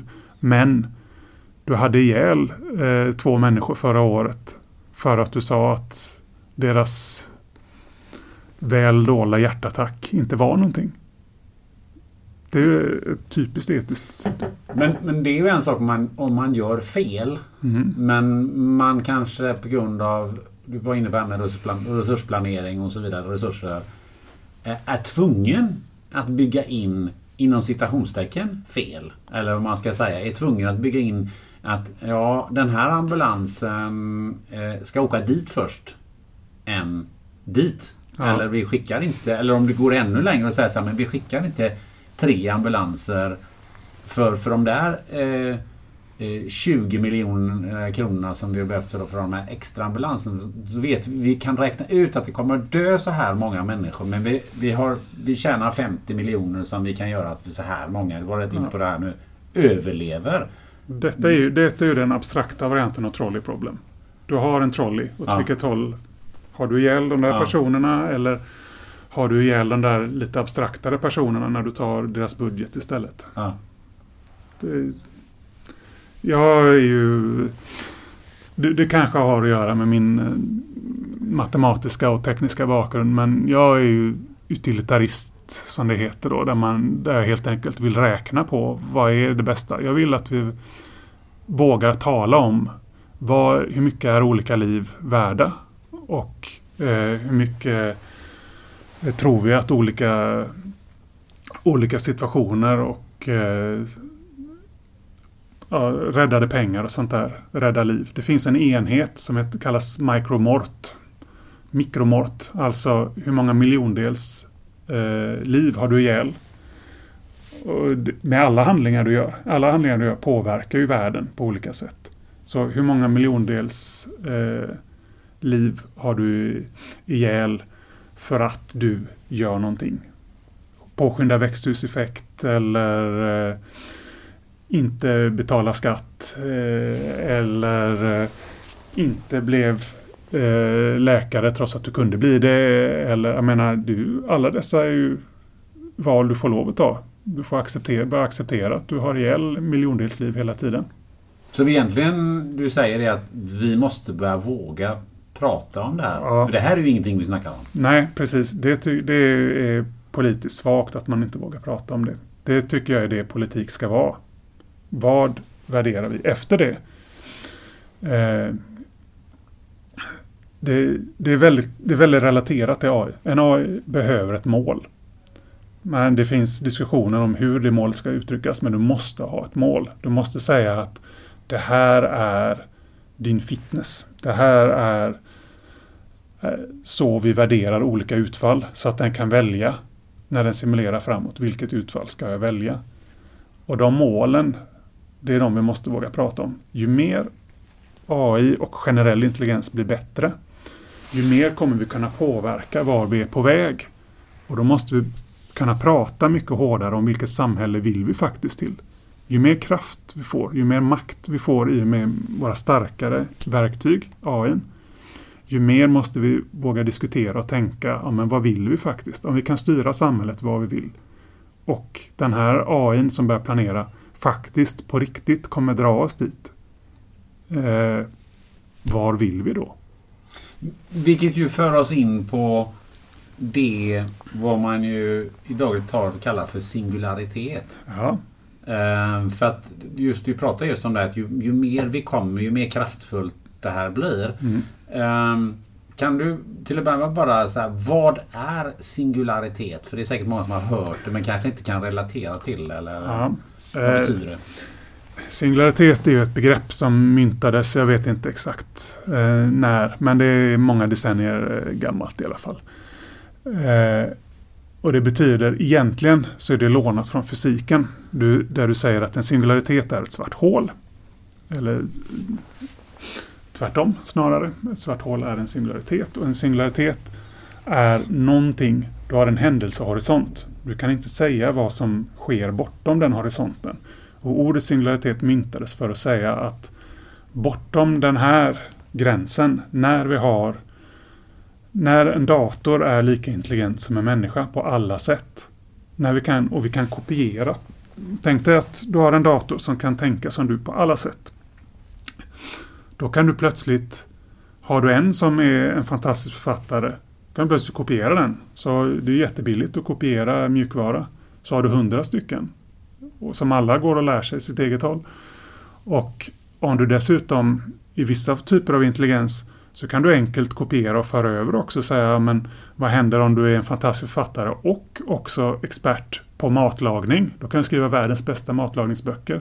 För att ta några naiva exempel på det här. Men eh, det, det är svårt. Eh, så singularitet betyder den gränsen i samhället när tekniken har kommit så långt inom framförallt artificiell intelligens så att vi inte längre kan förutsäga någonting. Vi kan inte se bortom den gränsen. Vad, hur kommer vi och hur kommer samhället fungera? För någonting som kommer hända då, om det sker, det är ju att du får en intelligensexplosion.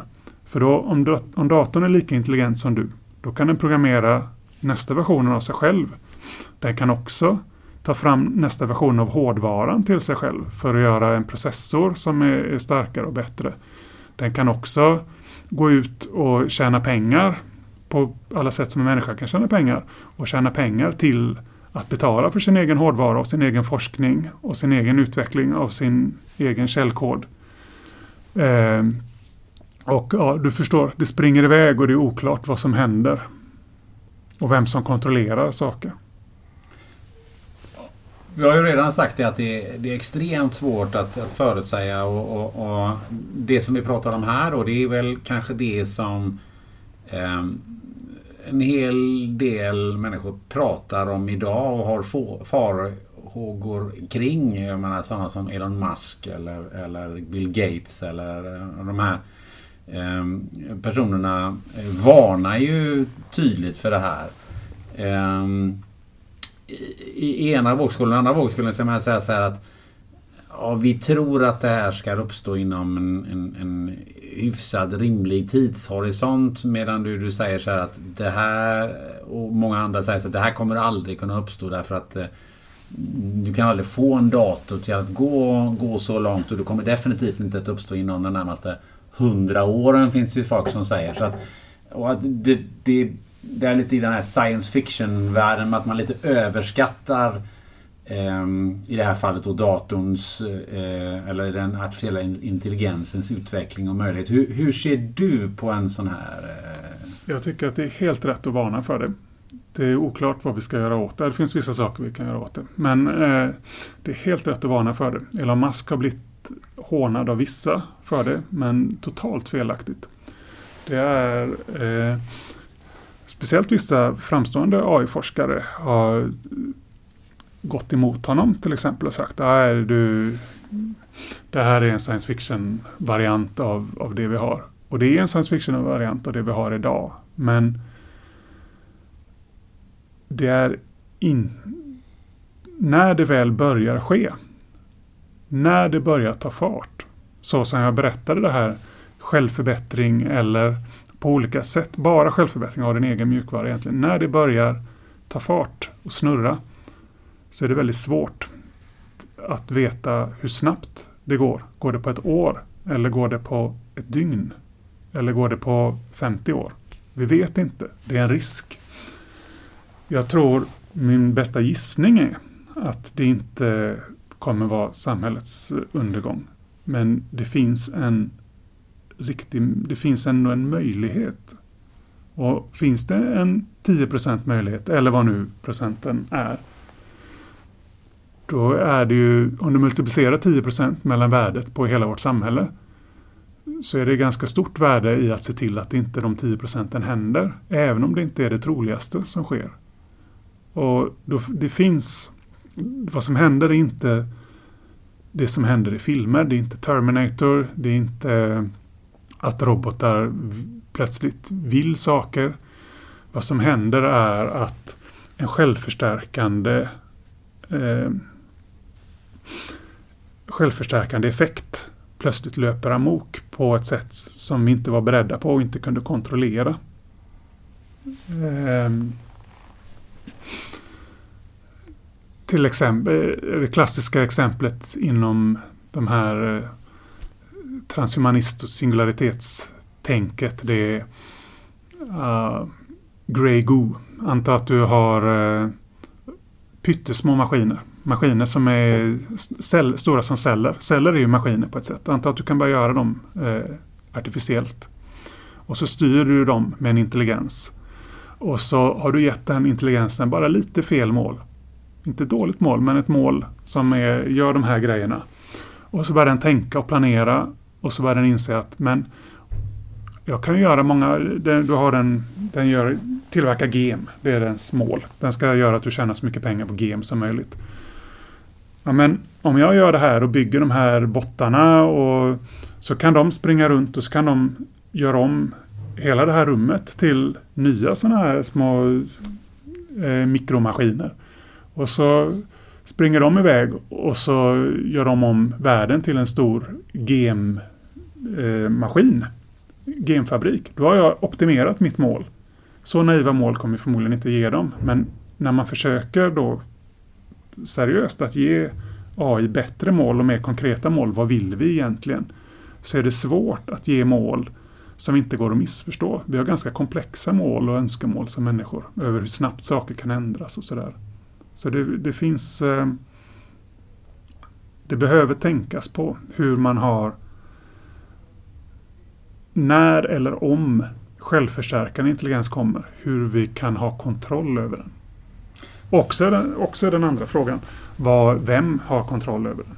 Om, låt oss säga att den inte blir farlig utan att man kan ha bra kontroll, nästan matematiskt bevisa att man har bra kontroll. Vem får lov att kontrollera den? Vem får bestämma vad framtiden ska? För det räcker ju att någon får för sig att pilla lite i det här. Ja. Uh, och um, det för han ju ganska snabbt till någon som kom på att han vill köra någon sorts krigsföring. Ja, det vore negativt. Det kan man väl... det var ett milt uttryck. Ja. Uh, för... för uh, det, det måste ju... Men hur, då, då tänker man så här, hur, hur, låser man, hur låser man in det här då? Eller hur får man... hur kan man behålla kontrollen över någonting som som du beskriver som någonting som börjar kontrollera sig självt? Det För att det är, smart, det är smartare än vad jag är som ska kontrollera det. Ja, den, den kommer inte kontrollera sig själv för att den vill kontrollera sig själv. Man ska inte eh, s, ehm, sammanväxlade med liv. Vi är liv, vi kommer av evolution. Det gör att vi har väldigt specifika mål. Vi har överlevnadsmål och eh, andra typer av bestämmande och resursmål som andra intelligenser in, absolut inte behöver ha. De kan ha målet, de målen vi har gett dem. I dem kan det ingå att självdestrueras då och då så kommer de tycka att det är världens bästa grej för det är deras mål. Så man ska inte förväxla våra mål med vad andra intelligenser har för mål. Så den är inte att den är intelligentare än du betyder inte att den har kontroll över dig. Men det betyder att om du inte har väldigt om du inte sätter målen väldigt väl då kan den springa iväg och göra saker. Det finns eh, i sagorna i, eh, vi har historiska tankar kring det här. Anden i flaskan, du får tre önskningar. Det är sällan det går väl för personerna som får tre önskningar. För det går att missförstå dina önskningar. Och har du någonting som är anden i flaskan och kan knäppa med fingrarna och göra det du ber om så måste du tänka mycket mer än vad vi är vana på vad du faktiskt ber om. Be careful what, what you wish for. Jag tänker på din gemmaskin som du pratar om här. Eh, om det är så att den här gemmaskinen ändå på något sätt det finns en inbyggd intelligens i den som säger så här att ehm, när vi har sagt till den att vi får bara tillverka gen på det här sättet men att den är så intelligent så att den säger ja men det där var väl inte det mest effektiva sättet att tillverka gen. Jag gör så här istället. Och så går han loss på Ja. inredningen eller... Det beror på vad du har gett den för mål. Om, ditt mål. om hans mål är att lyda dig i allting. Då kommer den inte tycka att, då kommer den inte börja tillverka gen på ett eget sätt. Utan, så det, det är ju inte så att den kommer tycka att någonting är bättre bara för att det är fler gem. Om du inte har sagt åt den att det enda som spelar roll är fler gem. Det, men det är svårt. Vilka mål man ger. Det finns forskning kring det. Det finns en herre som heter Eliza Yudkowsky som jag rekommenderar alla att, att lyssna mer på. Som pratar mycket om friendly AI eh, och pratar mycket om varför sådana som Elon Musk hånas av Eh, vissa människor som vet mycket. Och att det handlar mycket om status. Det är låg status att prata om saker som låter otroligt och science fiction. Och det är inte akademiskt och inte seriöst. Och det är ingenting som, som, som man gör om, om man är en, en mogen seriös människa. Då pratar man om det som är här och nu. Men om man faktiskt tittar på riskerna och vad vi kan åstadkomma genom att bara lägga lite mer resurser på hur kontrollerar vi dem. Även om vi säger att detta är inte det troligaste utfallet.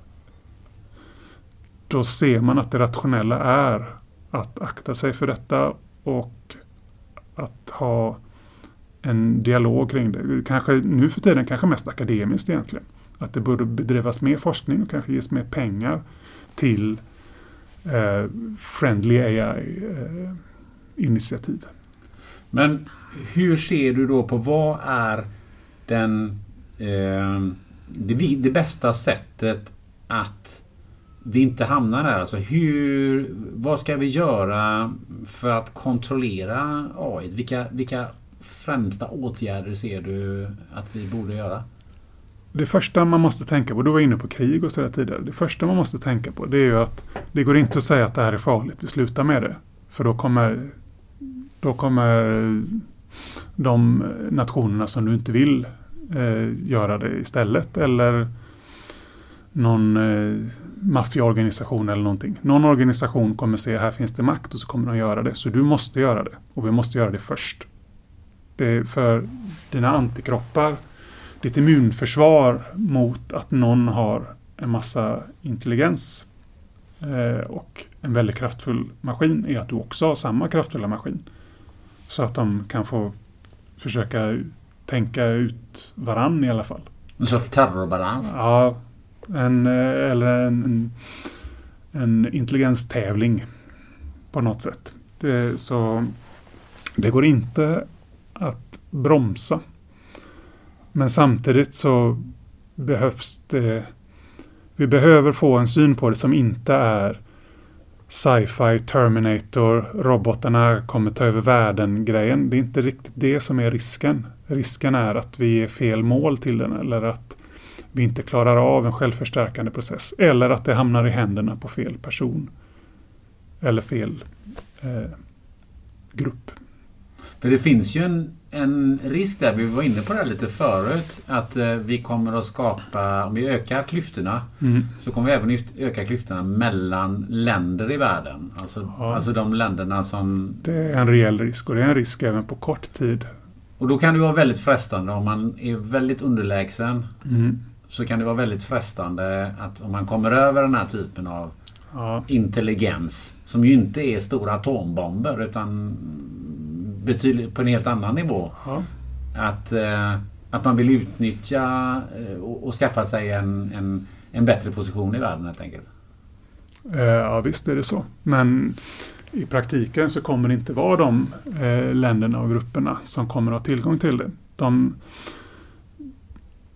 de företagen, det, det är några företag som står bakom nästan allting. Som alla ut, eh, framsteg som sker nu. Eh, det är DeepMind som ägs av Google och så är det resten av Google. Det är Facebook. Det är Baidu i, i Kina. Och eh, lite grann från OpenAI eh, som först, som när den gjordes, skulle vara en eh, non-profit.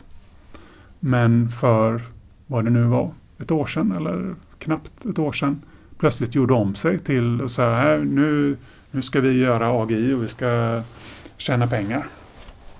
Eh, men de producerar en del också. Så du måste vara väldigt, du du måste ha mycket pengar och muskler för att locka till dig rätt personer. Och det är dessutom finansiellt dyrt att köra. De modeller man kör just nu är väldigt dyra. Det kostar, de, de största modellerna, textmodellerna och sånt där, kostar flera miljoner dollar att träna fram bara i hårdvara. Eh, så det det, och de stora företagen, Google och Facebook och Baidu, som ju är kinesiska Google i princip. De har en enorm massa data också att göra de här grejerna på. Så de har, de har mång, många olika typer av försprång. Eh, som gör att de är riskabla. De har lite mycket, de har eller kan få för mycket makt. Så man kan säga så att eh, om, om den är så koncentrerad så, så är det kanske då inom citationstecken något lättare att genom kanske politiska initiativ eller, eller, eller att, att på något sätt kunna kontrollera det än om det blir helt om det skulle funnits det- hundra företag som, som Ja, överallt i hela världen. Som, Ja, det finns, det, det finns nog hundra, men det finns eh, Eller hur ser du på det? Är det, är, är det en fördel eller en nackdel att eh, det är så kon- koncentrerat? det minskar en potentiell, det minskar en typ av risk. Det är mindre risk att någon hemma i sitt garage eh, hittar den här grejen. Sen så är det ju det jag pysslar med på fritiden, ska, ska jag villigt erkänna. Så jag hoppas ju vara den garagefixaren som, som slår dem. Men eh, det är mindre risk att eh, någon mindre nogräknad, någon som har min, ögonen på sig mindre och sånt där, plötsligt eh, upptäcker det och, och får sin egen självförstärkande process. Eh, eftersom du har en sån maktkoncentration. Men maktkoncentrationen i sig är ju osund av massa skäl också. Det betyder att de företagen, de vet, bara ta det här med informationen de har om dig. Som Facebook och Google har om större delen av människorna på jorden. Det kan naturligtvis användas för att utpressa eller utöva politisk påverkan.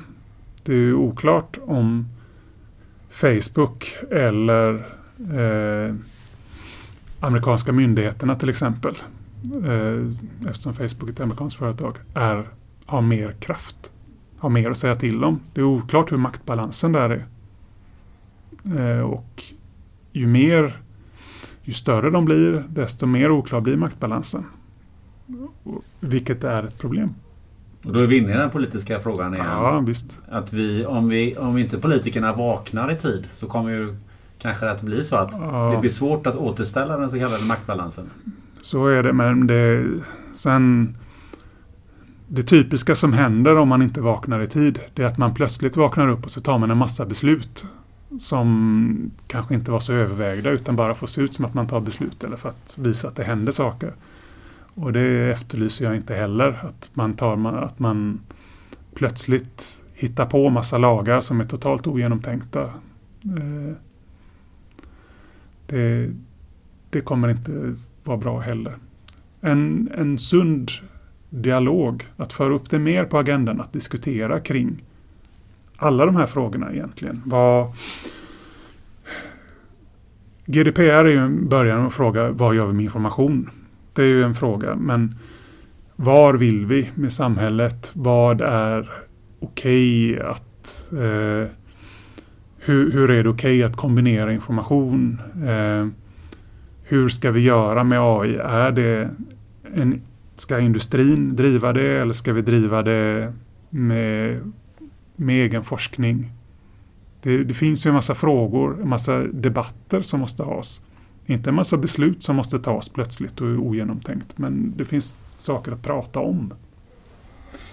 Det får börja bli en intressant, eh, intressanta reflektioner som en, som en avrundning här. Men jag kan ju inte låta bli att ställa Eh, frågan och det här blir då en eftersom komplexiteten är uppenbar. Eh, eh kommer det, så för, ser, du, ser du ju på mig vad jag kommer att ställa för fråga. Det vill säga när tror du att vi eh, eh möjligtvis kan eh, komma att uppnå den här singulariteten? Ja, det, jag kan försöka vara... Det mest objektiva svaret jag vet det är att 2017 så gjordes det en undersökning mellan eh, 300-400 eh, framstående akademiker som alla hade publicerat i den största AI-journalen. Där de frågade en massa sådana här frågor. Vad tror, när tror du att eh, en AI är lika bra som en människa inom olika områden och när tror du att den är generellt lika bra? Och svaren på det eh, rörde sig, när, när är en dator ikapp människa på alla områden? Svaren på det rörde sig mellan 30 år, ja, några var kortare till och med, men de, det var en eh, ganska många som säger 30 år. Det är medlet i Asien. Medlet i USA var mycket mer, kanske 70 år. Eh, så det skiljer extremt mycket vad olika människor tror, vilket betyder att det är jättesvårt att veta. Eh, och det finns den här långtailrisken. Varje ny dag är det en extremt liten chans att det händer. Men den finns och när det händer händer det snabbt så man kommer inte se det hända på långt håll, vilket är en del i risken. Så det kommer hända. Det är liten risk varje dag och varje år är liten risk. Eller liten möjlighet också. Det kommer ju leda till många bra grejer kanske. Men vi kommer inte se det komma på håll. Det är den stora grejen. Det kommer hända Så. så. Och där i är risken. Min bästa gissning är, eh, är att asiaterna eh, har rätt. Snarare än eh, medlet som låg på ungefär 50 år. Asiaterna är nog mer rätt ute i detta. Ja, en intressant eh, avrundning för eh, det var precis det jag tänkte ställa frågan som vad säger det att, eh, att asiaterna är, är liksom 40 år tidigare än vad, vad amerikanerna är. Det är väl eh, det, säger, det säger tycker jag en hel del. Det, det finns en eh, det kan ju vara en rent psykologisk grej. I Japan till exempel så framställs robotar generellt som snälla och positiva. Medan i västerländsk kultur så framställs de i filmer ofta som onda Terminators. Medan i japansk kultur så är de mycket oftare Baymax. Om du känner igen den referensen. De, någon som tar hand om dig och är snäll. Mm. Eh, så det finns en kulturell fråga i hur vi framställer artificiell intelligens som kanske påverkar båda lägren.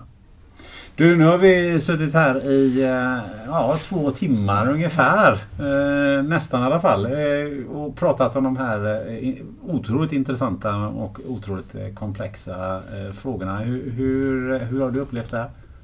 Ja, det har varit intressant. Jag, mm, så länge frågorna har rört sig kring teknik så har jag känt att det här är saker jag har tänkt på många gånger och klarar att svara på. Men samhällsfrågorna är jättesvåra. Ja, men det finns ju inga eh, tydliga svar heller på de frågorna. För att det, det går att låtsas ha tydliga svar ja. men då är man inte intellektuellt ärlig. Nej. Men samtidigt som tror jag man måste precis som du har varit inne på, man måste diskutera dem. Ja, och man måste, måste börja man. försöka och förstå ja. och, och, försöka förstå vad det är man ska förstå och hur man ska eh, hantera det. Ja. Du blev ju rekommenderad av, av eh, Amir Mohammed. Har du någon som du skulle kunna komma på sådär? Eh, den här personen borde... Du har ju nämnt massa smarta människor redan. Ja, de är ju internationellt ja, eh, kända. Men, men, du, får ju, du får ju välja ja, fritt. Um, om du hade lyckats så är Robin Hanson en av de mest intressanta människorna en contrarian som det kallas. Som vågar tänka själv på många sätt.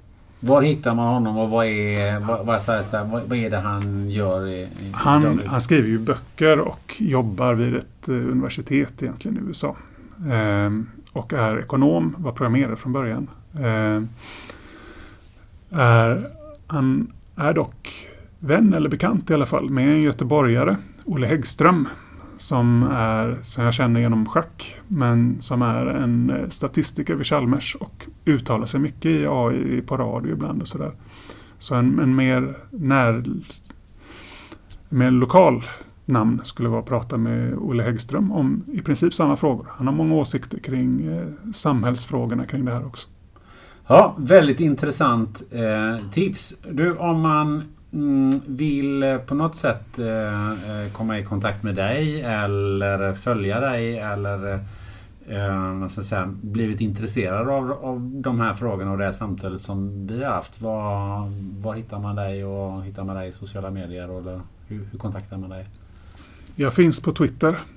Men eh, eftersom jag har en ganska liten följarkrets så säger jag inte så mycket. Jag finns naturligtvis på LinkedIn för de som vill ha professionell kontakt. Och framförallt så är det 1050 man hör av sig till för att prata mer om de här ämnena inom affärsvärlden i alla fall. Du, ett stort, stort eh, tack David Fendrich för att eh, du vill vara med i eh, den här podden. Det har varit extremt intressant att prata med dig. Tack för att du bjöd in mig. Hur kändes den här intervjun? Vilka funderingar väcker den hos dig? In och skriv gärna på poddens sociala medier. Och såklart, sprid och dela gärna avsnittet till fler i ditt egna nätverk. Nästa avsnitt handlar som vanligt om något helt annorlunda. Jag har nämligen träffat ett sagoväsen. Mer än så säger inte jag. Men du, under tiden, ta något gott att dricka och fundera på om sjöjungfrur verkligen finns. Ha det gött!